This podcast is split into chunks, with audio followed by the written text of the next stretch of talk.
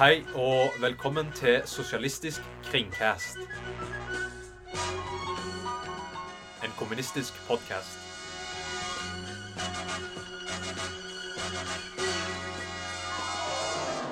Jeg heter Lars, Og jeg heter Jørgen. og dagens episode skal handle om antikommunisme.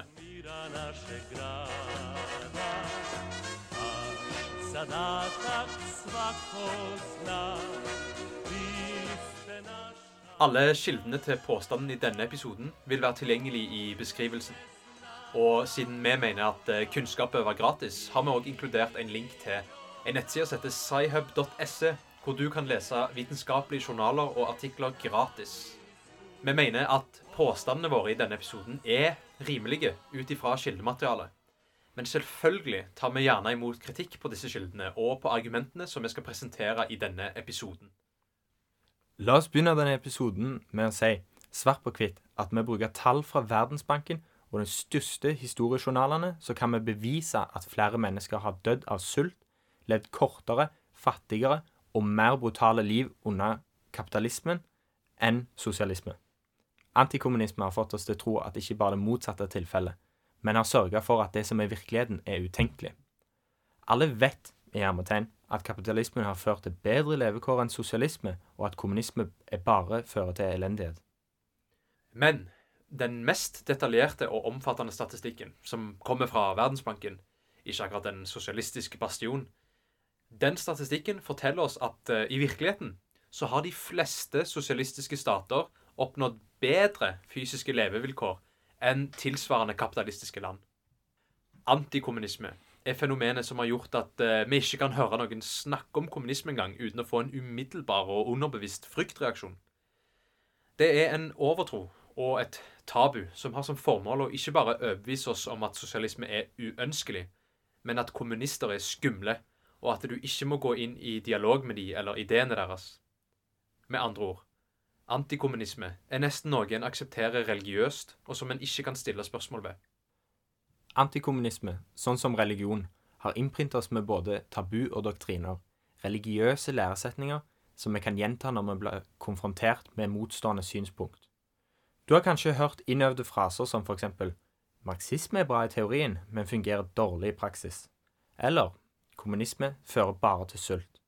En annet eksempel er kommunisme har drept 100 millioner mennesker.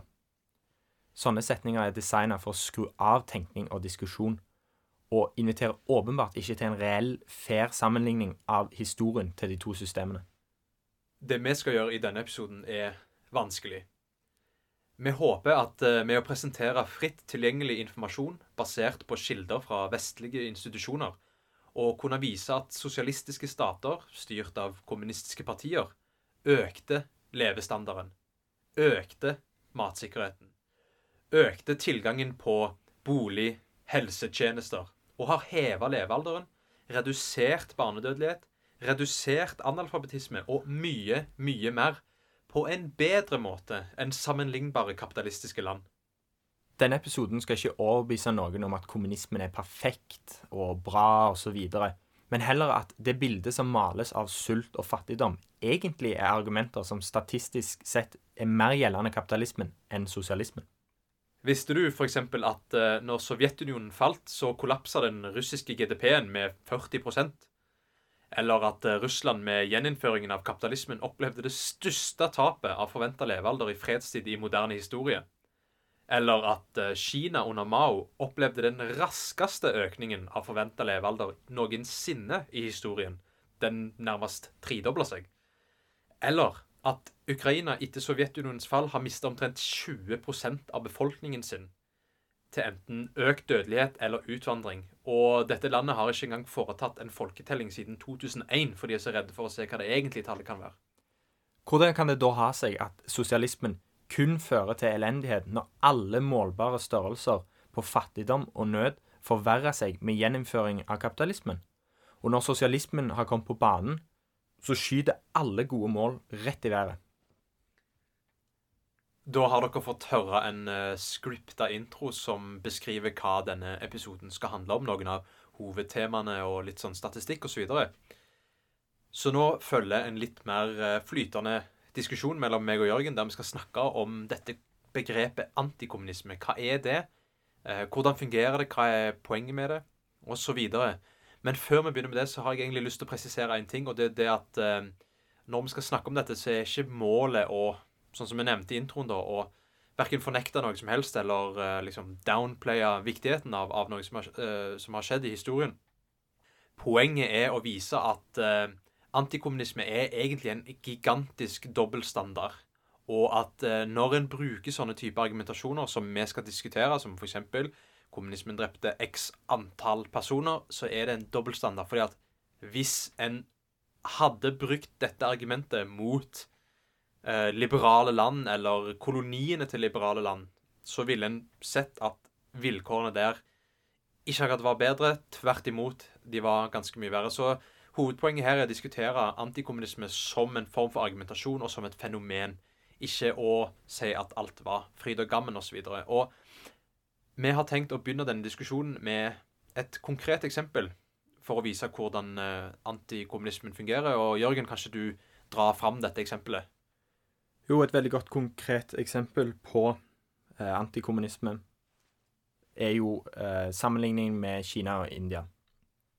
Kina, som er et sosialistisk land Nå snakker vi om Kina på 50- til 70-tallet. Og India på 50- og 70-tallet, som er et kapitalistisk land. Her kan vi da eh, se f.eks. Hvis vi tar sult som et eh, eksempel Et fenomen som de fleste kjenner til, er jo sulten i Kina, eller sultkatastrofen.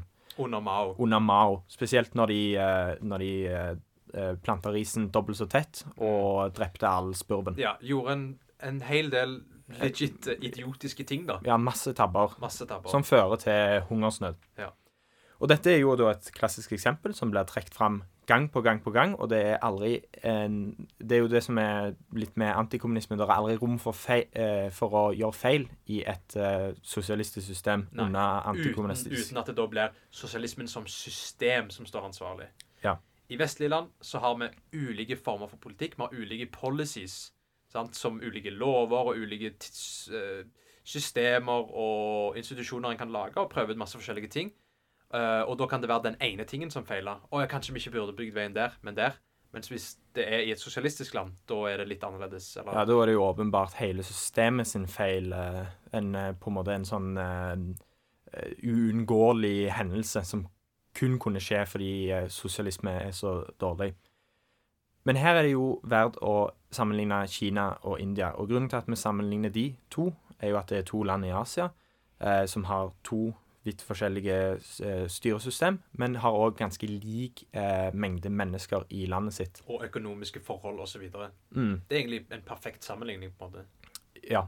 Eh, ressurser og, og det, det, det, meste som altså Bortsett fra kanskje litt eh, kultur og sånn, så er det eneste vi kan si er forskjellen her, da, blir jo da styresett. Ja, veldig grovt. Veldig ja, grovt, veldig grovt men de, på de materielle faktorene ja. som, eh, som, er presentert her. I eh, Kina sin sultkatastrofe, så er det jo veldig sånn Som skjer sånn ish på slutten av 50-tallet. 58 ja. 61, tror jeg er sånn omtrent. Så, så, ser vi jo da en eh, fem Altså estimatene er fem til 55 millioner døde. Ja, det, det er veldig sprikende estimater, men hvis en skal si på en måte midt på treet, da, så vil en si kanskje en 25-30 millioner døde folk. Og det er jo et helt astronomisk tall. Ja, det er enormt uh, mange folk. Det er, det, er en, det er, en, tragedie på en måte omtrent uten like, da, kan en si. Mm.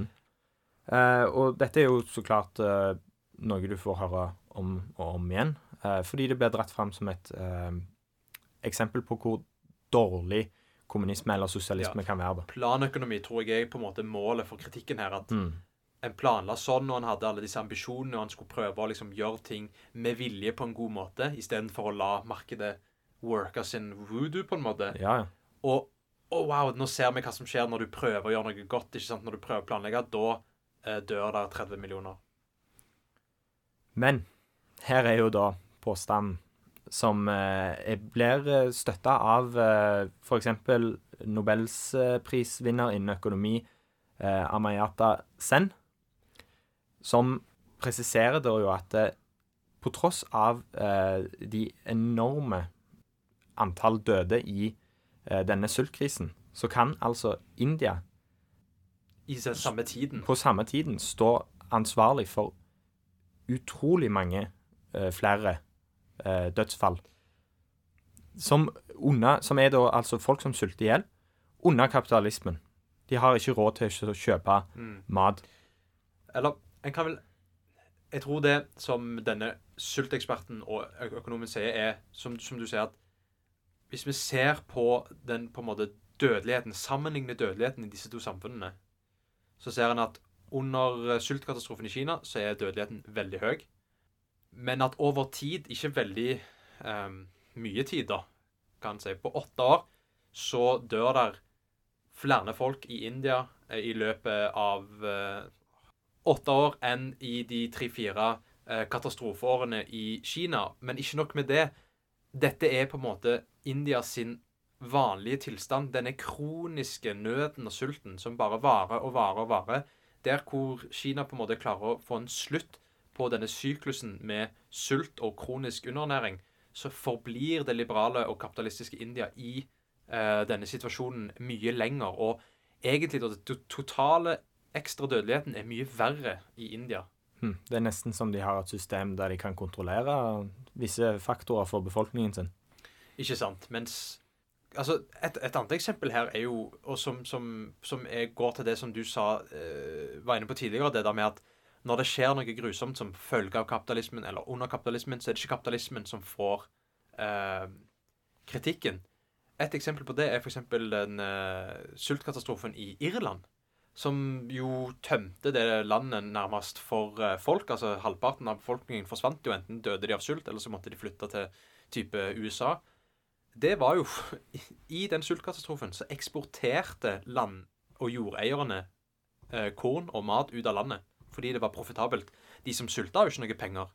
Så de kan jo ikke kjøpe den maten. Så det ga mer mening i forhold til markedet å shippe ut mat fra områder der folk faller som fluer. Og det er jo litt det samme som, som er greia med India da i, i uh, etterkrigstiden.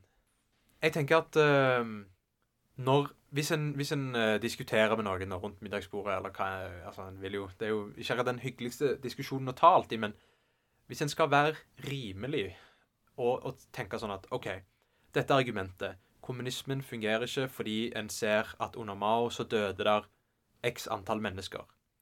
Så føler jo jeg da, eller Nei, det, det er ikke bare en følelse. Dette er logisk, men for at logisk sett så er dette argument, argumentet strukturert sånn som dette. Kommunismen fungerer ikke fordi folk sulter i hjel. Den andre logiske delen av det argumentet er jo og dette er ikke tilfellet under kapitalisme, og derfor er kapitalisme bedre. Er ikke det egentlig sånn det argumentet formelt sett ser ut? Jo, det er i hvert fall det som er, er hensikten med å ta det fram. Hvis du hadde brukt de samme argumentene mot kapitalisme som du hadde brukt mot sosialisme, så ville fortsatt sosialisme kommet best ut. Til og med, sånn som vi illustrerer nå, med deres kilder og deres fagfolk. Ja. Og så poenget her er liksom at hvis vi følger logikken deres, at det som avgjør om et system er bra, kapitalismen er best eller sosialismen er best, det er å f.eks. måle sult. Det er vel det de sier. Ja. Nå skal vi måle sult, og så skal vi la det bestemme hva som er best. Og hvis vi gjør det med tall fra liksom Verdensbanken, Verdens helseorganisasjon, eh, amerikanske institusjoner og, og, og så videre, så finner en at det er kronisk sult i den tredje verden i liberale land. Det er kronisk sult i koloniene til liberale land. Kapitalistiske land, land med markeder som jo fins Det er andre land i verden enn Sverige, Norge, USA og England og Frankrike som er Ja. kapitalistiske. Og hvis vi tar inn alle disse og sammenligner det, så ser vi at sulten er verre der det er markeder og privat eiendom, ikke sant? Mens den er den blir, det blir gjort noe med den, da, hva skal si, i, i de landene som har et uh... Til og med når du går på en så enorm smell som kineserne gjorde, så klarer du under dette systemet å fikse det. Og det er ikke også for å eh, ta vekk noe fra den sultkatastrofen. Det er jo forferdelig her. Men når dette er da den kroniske tilstanden i disse kapitalistiske landene, som f.eks. India, hvor, er, hvor er, er kritikken av det? mm, Hvor er kritikken av systemet som gjør at, dette, at det gir mening å eksportere mat når befolkningen din sulter? Men Jørgen, det du kommer med nå, det er jo en whataboutism. Ja, som er helt flott. det, For det da, eh, hvis du kommer med en påstand, og jeg, jeg sier noe imot deg, så kommer du til å vinne hver gang. Ja. Fordi du sa det først.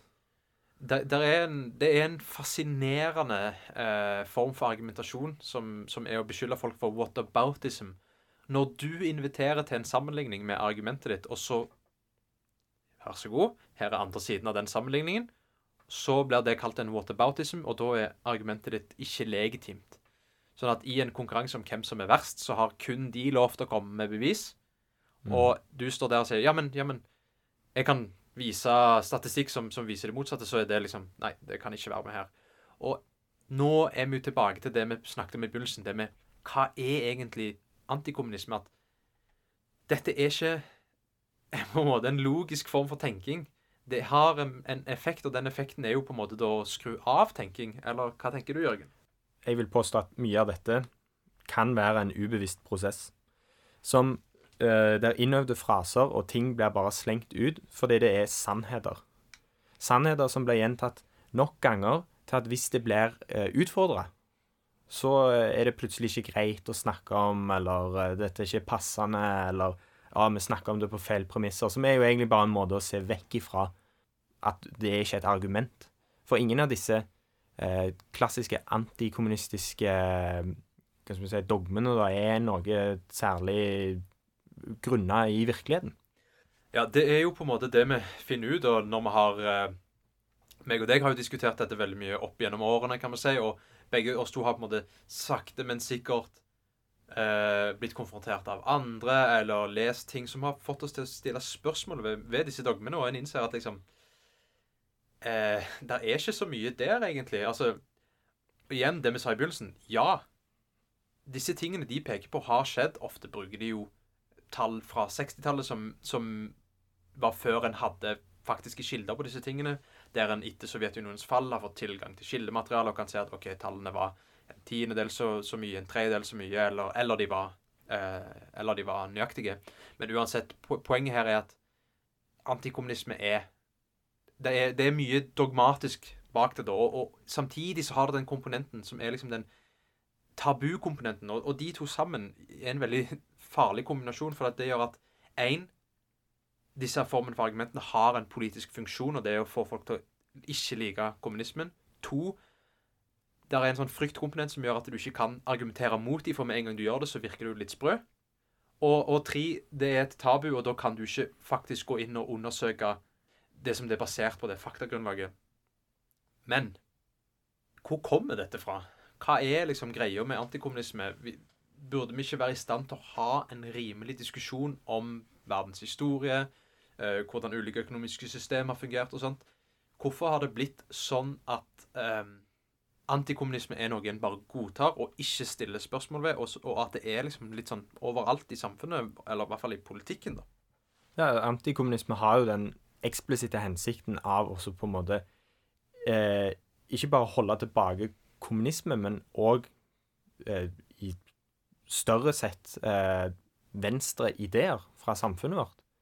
For mye av kritikken som du kan ha mot eh, kommunisme og sånn, kan du òg ha mot en sånn eh, lettere sosialdemokratisk eh, tilnærming til mye, som låner jo mye av, eh, av tanker og ideer fra eh, kommunisme. Den moderne Den, venstresiden stammer jo på en måte fra mer eksplisitt kommunistiske ja, ja, ja. bevegelser. ikke sant? Ja. Og, og, og da, da, ser du jo plutselig det at eh, dette er jo en måte å, å, holde tilbake på en måte flommen av ideer, og ikke bare det, men i noen tilfeller sannheten, ikke sant? Det er liksom en, eh, På en måte så er det en hammer som høyresiden kan bruke til å liksom bare slå Audun Lysbakken rett i hodet ja. når han sier sånn Hva om vi burde ha 2% mer skatt? Ja, det er kommunisme. Det er kommunisme. Mm. Da, da, kommer det ut av skapet, og så er det liksom eh, paradert eh, liksom i media og, og, og, og i, i, den offentlige debatten. Skam dere, sant? Alle ja, disse døde dette, og bla, bla, bla. Ja. ja, og med dette sant, så kommer jo alt eh, Sånn som du begynte å si, altså alle disse sultkatastrofene og alle disse innøvde frasene som kommer fram eh, når vi har vår egen Sylvi Listhaug som foreslo at Hardanger måtte plante epletrærne sine dobbelt som tett, som er akkurat det, det samme som ja. Mao sa om risen, ikke sant? Mm. Så, så det har liksom en, en politisk funksjon, ikke sant? Og nå skal vi snakke om et eksempel som er ganske ekstremt, og det er faktisk flere eksempler på dette, men vi skal fokusere på dette ene, og det er bare hvor langt er folk villige til å gå for å sverte kommunismen? For at vårt argument er jo på en måte òg at gjennom egentlig hele denne podkasten er at kommunisme er den eneste trusselen mot kapitalismen og den eliten som, som det systemet tjener. Altså, der er Borgerskapet vil jo selvfølgelig beholde sin private eiendom, det sier seg sjøl, og de hater kommunisme. Så da må de stoppe kommunisme. Samtidig kan de bruke antikommunisme til å slå SV og Rødt i hodet og, og stoppe milde sosialdemokratiske reformer. Men historisk sett så eksisterte det jo sosialistiske land som var aktive trusler mot eh, kapitalismen sitt, sin verdensdominans. da.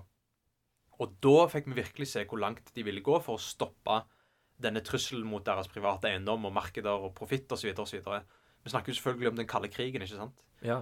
Og, og eh, kanskje du dra fram, ta, ta fram dette eksempelet fra Koreakrigen, eh, der eh, USA gjør noe ganske grusomt. Et eksempel her er jo en massaker fra Koreakrigen. Jeg eh, skal ikke prøve å uttale navnet, eh, men det kan du finne i skillelista. Eh, her er det da en haug med kommunister og mistenkte kommunister som blir drept av sørkoreanske soldater mens amerikanske offiserer står og ser på. Det som skjer etter at denne massakren har skjedd, det er at de prøver da å eh, skylde dette drapet på som er hva, 500-700 stykk, eller noe sånt? Nei, nei, 5000-7000 stykk. 5000-7000 stykk, selvfølgelig. De prøver å skylde dette på kommunistene i, i landet, altså Nord-Korea. Og dette er bare ett av flere sånne tilfeller i Koreakrigen. Ja. Uh, men ja, det, det som, som, Jørgen sier, det er helt sant. Uh, gå og se i kildelisten. Uh, USA er med på å massakrere ofte sivile, kvinner, barn. I ett tilfelle så var det faktisk krigsfanger som, som, ble satt i en bås, og så når de, når de ba om mat, fordi de holdt på å sulte det ut, USA holdt på å sulte ut disse menneskene, ba om mat, eh, så heiv de avføring på dem, for så å helle bensin på dem og tenne på. Og så skyldte de dette på kommunistene. Og så ble det lagt filmer eh, hjemme i USA da, om denne forferdelige hendelsen, og wow, se hvor grusomme kommunistene er, ikke sant? Og her ser vi jo den dobbeltmoralen, men òg funksjonen til antikommunisme. Greia her er ikke at vi skal komme med rasjonelle sammenligninger som er basert på fakta, der vi kan ha en åpen samtale. Det er Målet vårt er fra dag én å være uærlige og sverte eh, kommunismen. Forsøket går jo Altså, hvis du tror at det stopper med da eh, bare massakrer, det er jo en større del av eh, dette her å prøve å hele tida sverte kommunismen. Det, det lyges, sant. Og dette er aldri en diskusjon om eh, som du har på en måte på ærlige premisser. Det blir hele tida på en måte dratt gjennom gjørma. Eh, og det er derfor jeg tror mye av den reaksjonen du får på hvis du faktisk konfronterer disse påstandene, at den blir så på en måte aggressiv, eller at du får alle disse blikkene, er jo det at det er en veldig ubehagelig sannhet å ta inn over seg sjøl. At uh, det systemet som du har på en måte blitt uh, servert som Det er så fantastisk. Uh, kan ikke, mm. på grunn av, under sin egen på en måte markedsanalyse, føre til noe annet. Mm. Det har seg sånn at vi, vi, vi, har en grunn til å tro at, at, det skal være sånn, ikke sant? Det, mm. liksom, det, det, passer veldig fint for oss at det skal være sånn. Um, og, og, tilbake til det med Korea, da. Den krigen i seg sjøl er jo en av kanskje verdenshistoriens mest grusomme kriger, der USA uh, utsletter en femtedel 20% en femtedel av Nord-Koreas befolkning. For å gi en liten sammenligning andre verdenskrig tok livet av 0,2 av verdens befolkning. Så det var 100 Hvis matten min stemmer her 100 eh, andre verdenskriger i et bitte lite land, der USA sjøl sier med, Målet vårt er at det ikke skal være to mursteiner oppå hverandre igjen i dette landet. ikke sant? Ja. Det, og dette kan òg forklare litt hvorfor Nord-Korea er et sånn et wacky land den dag i dag, og hvorfor de hater USA så mye. Fordi at det, en, det er det, er det største arret et, et land har påført et annet land, eh, sannsynligvis i, i verdenshistorien. Så det er hvor, hvor langt en er villig til å gå da, for å stoppe kommunismen, ikke sant. Og, og her igjen er jo dette fantastiske narrativet som vi skal snakke om mer, at når vi snakker om Nord-Korea og Sør-Korea, så, så ser en for seg at Nord-Korea det var et diktatur den gangen, ikke sant? Og så Sør-Korea det må jo ha vært et slags form for demokrati, for de var jo på vår side, og de var jo liberalistiske og, og hadde markeder og sånt. Og, men i virkeligheten så var Sør-Korea et militærdiktatur som massakrerte sivile en masse. De, de prøvde mer eller mindre å utslette hele venstresiden og drepte hundrevis av tusen folk i massakrer. Og det var ingenting sammenligna med det i, i, i Nord-Korea. Det, det var ingenting sånt. Der hadde de til og med eh, demokratiske prosesser der folk fikk delta i å l- lage grunnloven og, og, og, og, og, og delta i administrasjonen av landet osv. Det var et mye mer demokratisk og menneskelig eh, system, men som ble bomba sønder av sammen eh, med hjelp av USA. Og vi var der òg. Vi hadde feltsykehus i, i Nord-Korea. Nei, i, i Sør-Korea. Ja. Yes. Um, Og det er jo passer jo veldig fint når vi kommer inn i neste del, eller neste eksempel på lista vår, som er på en måte den absurditeten som eh, brukes i disse. Og den, må jeg bare si med en gang, den har bare blitt verre og verre og verre. absolutt. eh, spesielt etter kommunismens fall, eh, så har Og da er jo Når vi tenker Sovjetunionen, Stalin, så er det mange som tenker Gulag. Og hvor mange døde i Gulagen? Der har jeg hørt mye eh, tall. 20 millioner har jeg 20 fått høre i diskusjoner. Jeg har, jeg har hørt eh, Altså, jeg har hørt Jeg vet jo ikke hvor seriøse disse folka er, men liksom 100 millioner.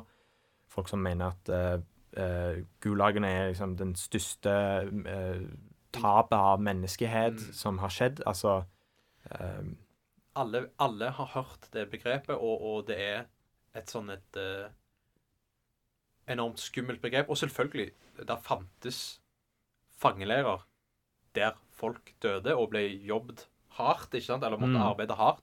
Dette var fanger, eh, kriminelle, politiske Folk som ble politisk forfulgt i Sovjetunionen, ikke sant? Vi er ikke her for å fornekte det. Nei, absolutt ikke. Og, og, men litt av poenget her er liksom hvordan en kan komme unna med å si hva en vil om Gulag, nettopp fordi at det var en forferdelig ting som faktisk skjedde.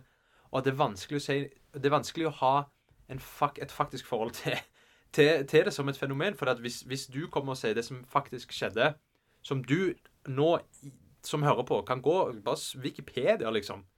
All, dette er konsensusen blant seriøse historikere i løpet fra, fra 1923 til 1961 så døde det mellom 1 og 1,6 millioner mennesker i Gulag, arbeidsleirsystemet. Og halvparten av disse dødsfallene skjedde under nazi-invasjonen. Ikke pga. at de kom og ble skutt av nazister, men fordi at det var en generell krise og sult i landet som en følge av invasjonen av Nazi-Tyskland. ikke sant? Så altså i et land med 150 millioner mennesker i 1926 og 209 millioner i 1959, der halvparten til to tredeler av alle som døde i gu- gulagene, var under Hitlers invasjon, så døde der 1-1,6 millioner mennesker. Og hvorfor drar vi fram dette som et eksempel? Jo, det ene er jo sånn som vi har snakket om, at det var ikke 20 millioner mennesker som døde. Det var ikke 50 millioner mennesker som døde. Men en har liksom lov til å si hva en vil, fordi at ingen har lyst til å være den som sier faktisk så var det ikke så mange som døde. For det høres jo helt grusomt ut. Du høres ut som en grusom person. Alle har hørt om Gulag, og det tytes om det i alle kanaler.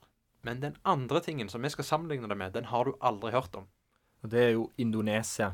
Og her er det jo påfallende at eh, her heter det jo ikke en, eh, et eh, folkemord når du søker på det på Wikipedia, men det heter en massaker eller noe sånt. En massaker på mellom de kildene som gis i Wikipedia-artikkelen, er jo da en halv til tre millioner mennesker. Og det er de, de nyere kildene som, som en kan finne. Ja, dette er Jeg altså tre- sier tre millioner, og så er det de gamle som sier en halv. Og dette er jo da eh, Det som skjer i Indonesia, er jo at eh, det eh, blir en masseforfølgelse av igjen kommunister. Eh, som, Og antatte kommunister. og antatte kommunister. Det er jo ingen forskjell i en sånn eh, massaker som det. Der de blir da systematisk drept med sånn eh, høyremilitser som kommer inn og Støtta av USA. støtter USA, og Kissinger ikke minst. Mm. Kommer inn der og dreper folk i dette folkemordet i landet. Indonesia er et land på 100 millioner mennesker. Og som eh, Lars sa tidligere, så er jo Sovjetunionen eh, med disse Gulag-tallene et land på 149 millioner. Ja, i begynnelsen. I begynnelsen. Og så 200, 200. og noe i, i når det tar slutt. Mm. Ikke bare det, men eh, den uh, antikommunistiske massakren i Indonesia som, som var støtta av, eh, av USA, den, den, den tar to år. I et land på 100 millioner dreper de kanskje to-tre millioner mennesker. Mens Gulag-systemet 1-1,6 millioner døde, der halvparten av de blir, eh, dør under nazi-invasjonen, på 40 år i et land med ja, dobbelt så mange 100 Eh, millioner eh, ja. mennesker. så det, det, dette er jo en Dette er ikke en litt verre hendelse. Det er, ikke- det er ikke en ganske mye verre hendelse. Det er en helt det, er en annen ballpark. ikke sant? Det er noe verre enn det no, noensinne vi kan se for oss. Men vi har aldri hørt om det. Hvorfor er det sånn? Nei, altså, det snakkes jo ikke om, eh, fordi det er jo én Ofrene her er jo kommunisme, eh, og du er jo eh, i god antikommunistisk ånd aldri et eh, offer som kommunisme, du er bare et offer for kommunisme. Mm. Og det er jo det er jo ganske åpenbart når du ser på disse tallene. Tall som igjen, jeg vil presisere, det er, det er bare rett inn på Wikipedia-artikkelen, og så kan du finne eh, disse tallene og se på de sjøl. Eh, det illustrerer jo hva skal jeg si, absurditeten igjen. Mm. Og dobbeltstandarden. Og dobbeltstandarden, dobbeltmoralen her, med at eh, du kan dra fram Gulag, le av det omtrent, Mm. si falske fakta, men du kan Du har aldri hørt om Indonesia engang. Og du har ikke lov til å på en måte komme med de faktiske tallene når det kommer til uh, Gulag-systemet, og lage en, en Hvis en skal følge det argumentet, så er det jo sant, Vi kan ikke ha kommunisme pga. en million Ja, det er pga. så og så mange millioner døde i Gulag, men OK, men hvorfor kan vi da ha eh, kapitalisme når dette ti ganger så crazy eh, greiene skjedde? Ja, Eh, og det er jo det Det er ingen politisk frihet i et eh, kommunistisk land. Uh, da hiver de deg bare i Gulag og dreper deg. OK, det skjer jo i et, i et kapitalistisk land, Ja. som Indonesia òg. Så Og- det er jo ingen beskytter av din frihet. Eh, Absolutt ikke. Og, og det viser jo på en måte igjen at det her med Gulag er Det er på en måte en tese. Det er en, det er en innøvd frase, eller en slags tankestoppende klisjé, som er liksom sånn Jeg registrerer kommunistisk tanke. Er, jeg sier Gulag. Og så er vi ferdig med den diskusjonen. Det er, det, det er sånn det fungerer. Og igjen, ingenting av dette er for å ta vekk ifra viktigheten av, av å forstå det som skjedde, osv. Og, og heller er det på en måte ikke egentlig en måte å si at kapitalismen er verre, selv om den er det. Men hvis det er bare det å si at hvis du vil argumentere på den måten mot kommunisme, da må du forstå at den argumentasjonen egentlig fører andre veien. Så dette er jo å forstå som egentlig en ikke reelle argumenter. Det er liksom vikarierende eh, argumentasjon. Og det er en intellektuelt uærlig form for argumentasjon, fordi du mener det ikke egentlig. Og når, blir, når en blir konfrontert med at det faktisk er det motsatte som er tilfellet, da flytter en målposten. Å nei, men da var ikke det faktisk det som betydde om et system var bra eller ikke. Det har ikke noe med sult å gjøre, det har noe med noe annet å gjøre. Da bare Jeg åpna med den formen for argumentasjon, så, så, så jeg, ble jeg vist en sammenligning som tyder på at faktisk den argumentasjonen viser at kapitalismen er feil. Å ja, men da var det ikke den sammenligningen som var viktig allikevel. Poenget her er å lage et tabu rundt kommunisme og, og, og bruke det som en skremselstaktikk. Og eh, en klassisk ting å, å, å gjøre er jo å, å, sammenligne Stalin og Hitler og liksom klistre sammen fascisme og kommunisme. Og det er jo, sånn som du sier, det er jo eh, høyresida sin våte drøm, er jo å klistre de to sammen. Sammenligne de to. Eh, hvis vi tar bare noen tall som vi har, eh, har samla, eh, så kan du se at for eksempel Stalin eh, har eh, drept en eh, åtte millioner mennesker. Det vil si åtte millioner mennesker døde som følge av på en måte enten sult eller eh, forfølgelser eller gulag under Stalin. under Stalin. sant? Der seks millioner av de er f.eks. sultoffer. Da Ja. har vi tatt med sultkatastrofene i Ukraina. Hitler har jo bare eh, drept 27 millioner sovjetere, 6 millioner jøder, utallige hundretusener av andre minoriteter da, eh, som en del av konsentrasjonsleirer. Eh, mange, altså, mange hundretusener eh, flere krigsoffer av den andre verdenskrig. Altså langt Fem, Ja. fem ganger så mye som Stalin. Ja. Bare, på den, bare i den enden. og da, da jeg tror jeg ikke vi har tatt med alt engang. Er det bare det vi klarte å komme på? Og i, Eh. ja, og i tillegg så har vi tatt med ting som på en måte er utenfor Sovjetunionens kontroll, delvis, som sultkatastrofer. Sant? Hvis vi skulle sammenligne det med på en måte villa dødsfall, faktiske politiske forfølgelser og villa politikk, så er det snakk om to millioner omtrent versus 30, kanskje 40 millioner. Men det er fortsatt lov å være sånn Eller lov, det skal selvfølgelig være lov, men det er fortsatt greit og innafor, og ingen tar deg på det når du sier det sånn. Faktisk så drepte Stalin mer enn Hitler, selv om det er ingen sammenligning der, hvis en forholder seg til faktiske eh, tall. Ja, og det du sier der, da, er jo egentlig Altså, det de egentlig vil prøve her, er jo at ah, eh, kommunisme er egentlig nazisme, ikke sant? Ikke bare det, men det er til og med verre. Det er verre, sant? Altså eh, Så det er en sånn veldig rar eh, rar sammenligning der som de Mm. prøver å Altså, de prøver jo bokstavelig talt å presse en firkant inn i en runding. Absolutt. Og det som er så åpenbart, eller burde være åpenbart, er at kommunisme er den reelle bevegelsen som skal avskaffe privat eiendomsrett. Hvem er det som ikke vil at den skal bli populær? Det er hmm, Jeg lurer på om det er liksom Jeff Bezos og Elon Musk og alle verdens milliardærer og, og, og kapitalister. Altså, det, det sier seg sjøl at dette er liksom Du har altså borgerlige politikere, borgerlig presse, eh, et borgerlig system, ikke sant? Du lever i et liberalistisk land. Selvfølgelig er den, den er nødt til å, å, å undergrave den reelle trusselen mot eh, sitt system. Og derfor er de, har de mest lyst til å si at Stalin er, er, er verre enn Hitler. Fordi at Hitler på en måte, altså Nazismen det, det kan de på en måte leve litt med. Til syvende og sist så er ikke det en reell trussel mot eh, den private eiendomsretten. Hitler var en, på en måte en kontrarevolusjonær mot sosialistene og kommunistene. Og det kan de leve med. Det de ikke kan leve med, er å, å bli fratatt uh, alt, alt støffet sitt, for å si det sånn. Men og, og dette bringer oss jo til kanskje vårt siste punkt, ne nemlig dette rare skillet mellom liksom det er litt sånn fantasiverden der det fins ting som er liberale, og, og fri, der er det frihet, og det er bra. Og så har du autoritært på den andre siden, og det er grusomt. Men hvordan kan vi få liksom, dette skillet som de prøver å skape mellom liksom Og vi lever i et frihetlig samfunn, kapitalisme er frihet, og så er det autoritært og kommunistisk og, og kontroll og planøkonomi der.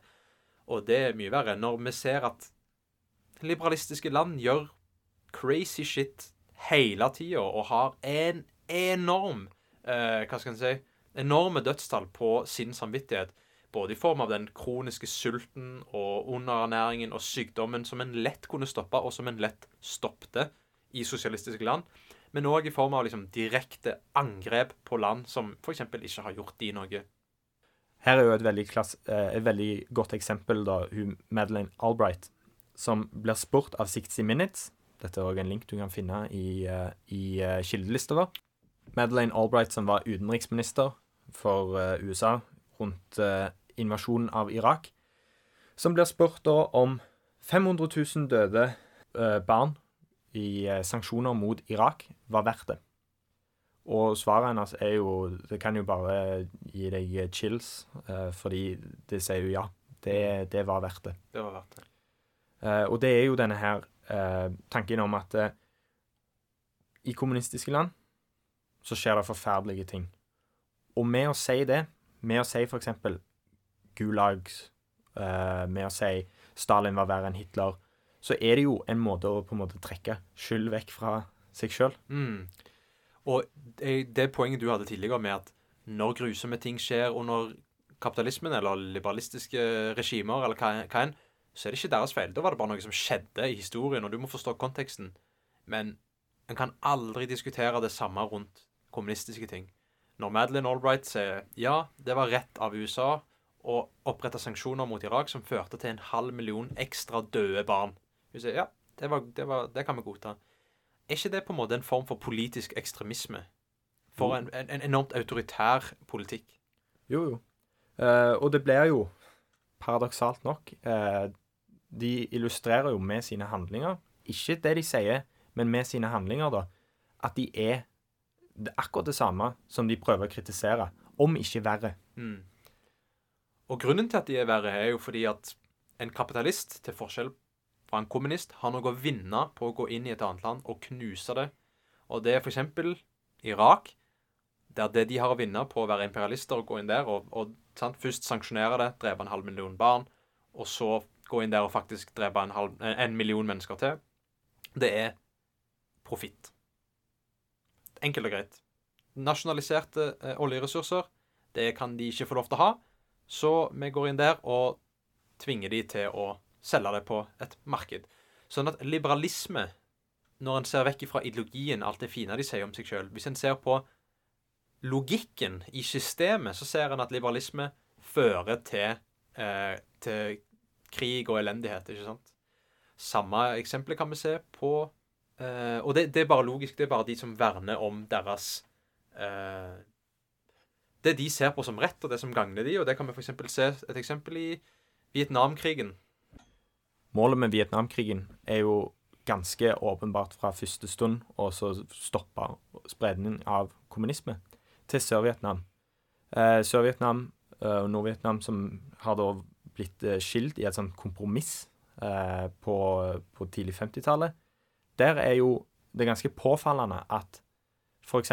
USA går inn på fransk side for ikke å gjenopprette noe demokrati, men gjenopprette kolonialismen i landet.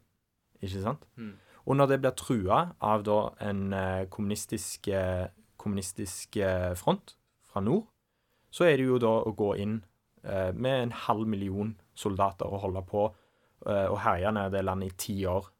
Og var Sør-Vietnam et demokratisk paradis i den tiden, eller? Absolutt ikke. Det finnes ikke noe eh, demokrati å snakke om i det landet i det hele tatt. Og det, dette kan vi jo se igjen, at uh, Og dette er viktig å forstå, at liksom Det er én ting som eksisterer på papiret. Søk på liberalisme. Gå inn på civita.no og se hvordan de beskriver det. Liberalisme er alt som er flott og bra og fint, ikke sant? Drikke øl i parken. Drikke øl i parken, ikke sant. Uh, uh, ingen skal fortelle deg hva du skal gjøre. Det er liberalisme. Veldig kult. Men i virkeligheten så er liberalisme privat eiendomsrett, profitt, ut, utbytting og markeder. Og hva gjør en ikke for å Når en først har liksom fått all den makten, jo, da stopper en på en måte ikke ved noen ting da, for, for, for å beholde den.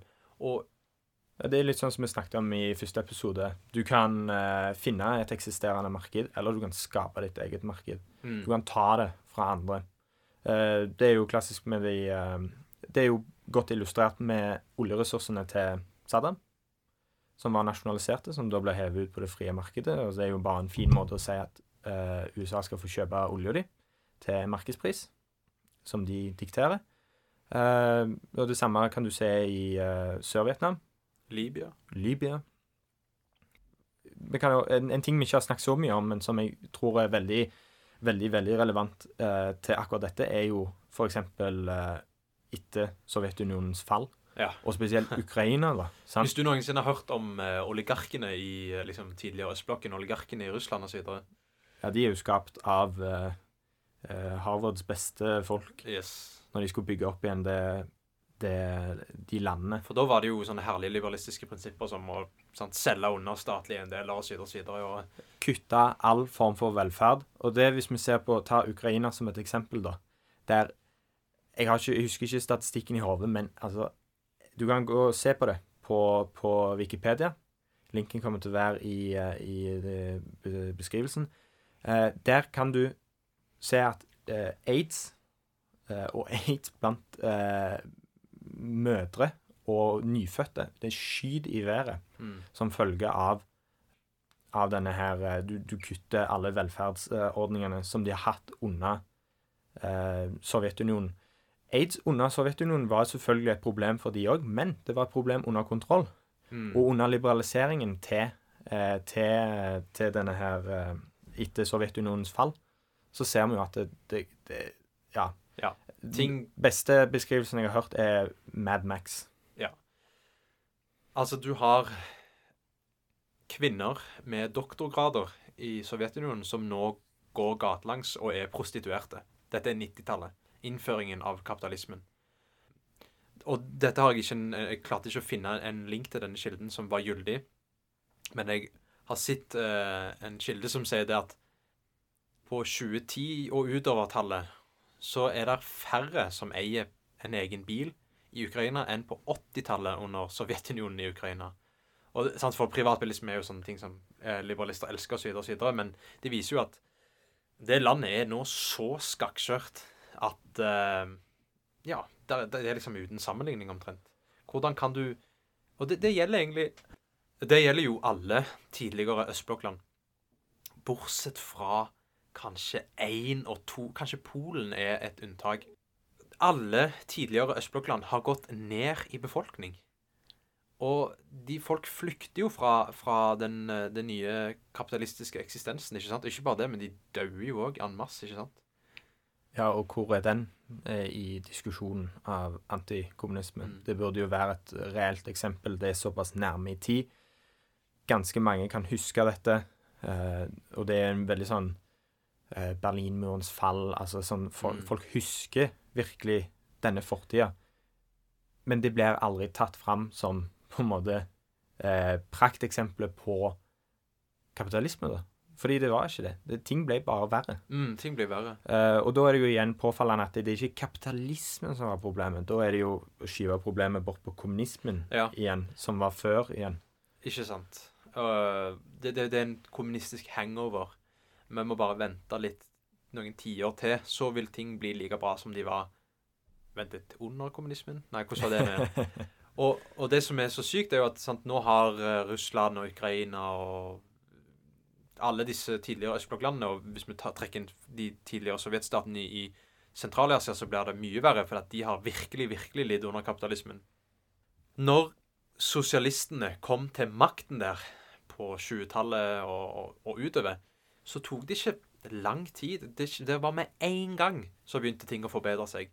De fordelte land til folk. Folk tok ofte det i sine egne hender, da. Altså den, Mye av den kollektiviseringen var en, en, eh, en organisk prosess som skjedde på en måte ved grasroten. Men at det tar, eh, tar land som går inn tilbake i kapitalismen 30 år for i det hele tatt å gjenopprette en viss form for stabilitet, sier ganske mye når i løpet av 30-40 år så gikk liksom Sovjetunionen fra Rasputin til Sputnik. Ja, så for å oppsummere, da, så kan en si at hvis vi ser på hva historien har lært oss Jeg elsker når folk bruker det begrepet 'vi må lære av historien', Ja. og så gjør de jo selvfølgelig aldri det. Hvis vi ser på hva eh, det 20. århundret har lært oss, så er det det at fattige land kan bli sosialistiske og med en gang heve levestandarden across the board ganske bra og bli sånn decent land. Altså hvis vi tar f.eks. Brasil i 1919 versus Russland i 1919, så er det land med samme størrelse og lignende på en måte eh, eh, forutsetninger. Den ene forblir eh, et eh, kapitalistisk diktatur, mens den andre blir eh, et sosialistisk land. Den ene blir verdens ant største økonomi, og verdensleder i så mange industrier, ikke sant? Industrier og teknologier. Ja. Og folk eh, kan få lære å lese og skrive. De får en plass å bo. De får eh, mer materiell og sosial velstand. I det andre landet så forblir en på en måte i fattigdommen. Folk er analfabeter. Der er en enorm eh, sosial splid mellom eh, ulike etnisiteter og osv. osv. osv. Poenget her er at hvis en tar en reell sammenligning av lignende kapitalistiske og sosialistiske land, nei, eh, av lignende land, så blir det ene i den samme eh, tilstanden som den andre, sosialistisk, så ser en Oi, sosialistiske land gjør det bedre. Og det er across the board. Jeg tror den studien som jeg linker, er dekker nesten 100 Jeg tror det er 96 av verdens befolkning, og dette er fra Verdensbanken eller Verdens helseorganisasjon. Og den viser at i 70-80% av sammenligningene, disse sammenligningene, så er de sosialistiske landene det bedre. Og så har vi snakket om hvorfor det er så vanskelig å forholde seg til denne virkeligheten. Jo, det er pga. fenomenet antikommunisme, som er der for å sverte og undergrave kommunismen som bevegelse, fordi kommunismen som bevegelse er en trussel mot kapitalismen, den private eiendomsretten og profitt. Så det var det vi hadde for i dag. Jeg håper dere Det var en litt sånn eh, kanskje litt edgy og litt kontroversiell episode, men, men allikevel, vi har forholdt oss til eh, fakta, og alt som vi har sagt før, kan du finne i, i beskrivelsen. Og vi håper virkelig at eh, hvis du har noe, noen innvendinger, så tar du kontakt. Jeg diskuterer dette mer enn gjerne, og er åpen for å se andre beviser, synspunkter, feil i, i det vi har linka. Uh, eh, men utenom det så vil jeg bare si takk for meg. Og takk for meg.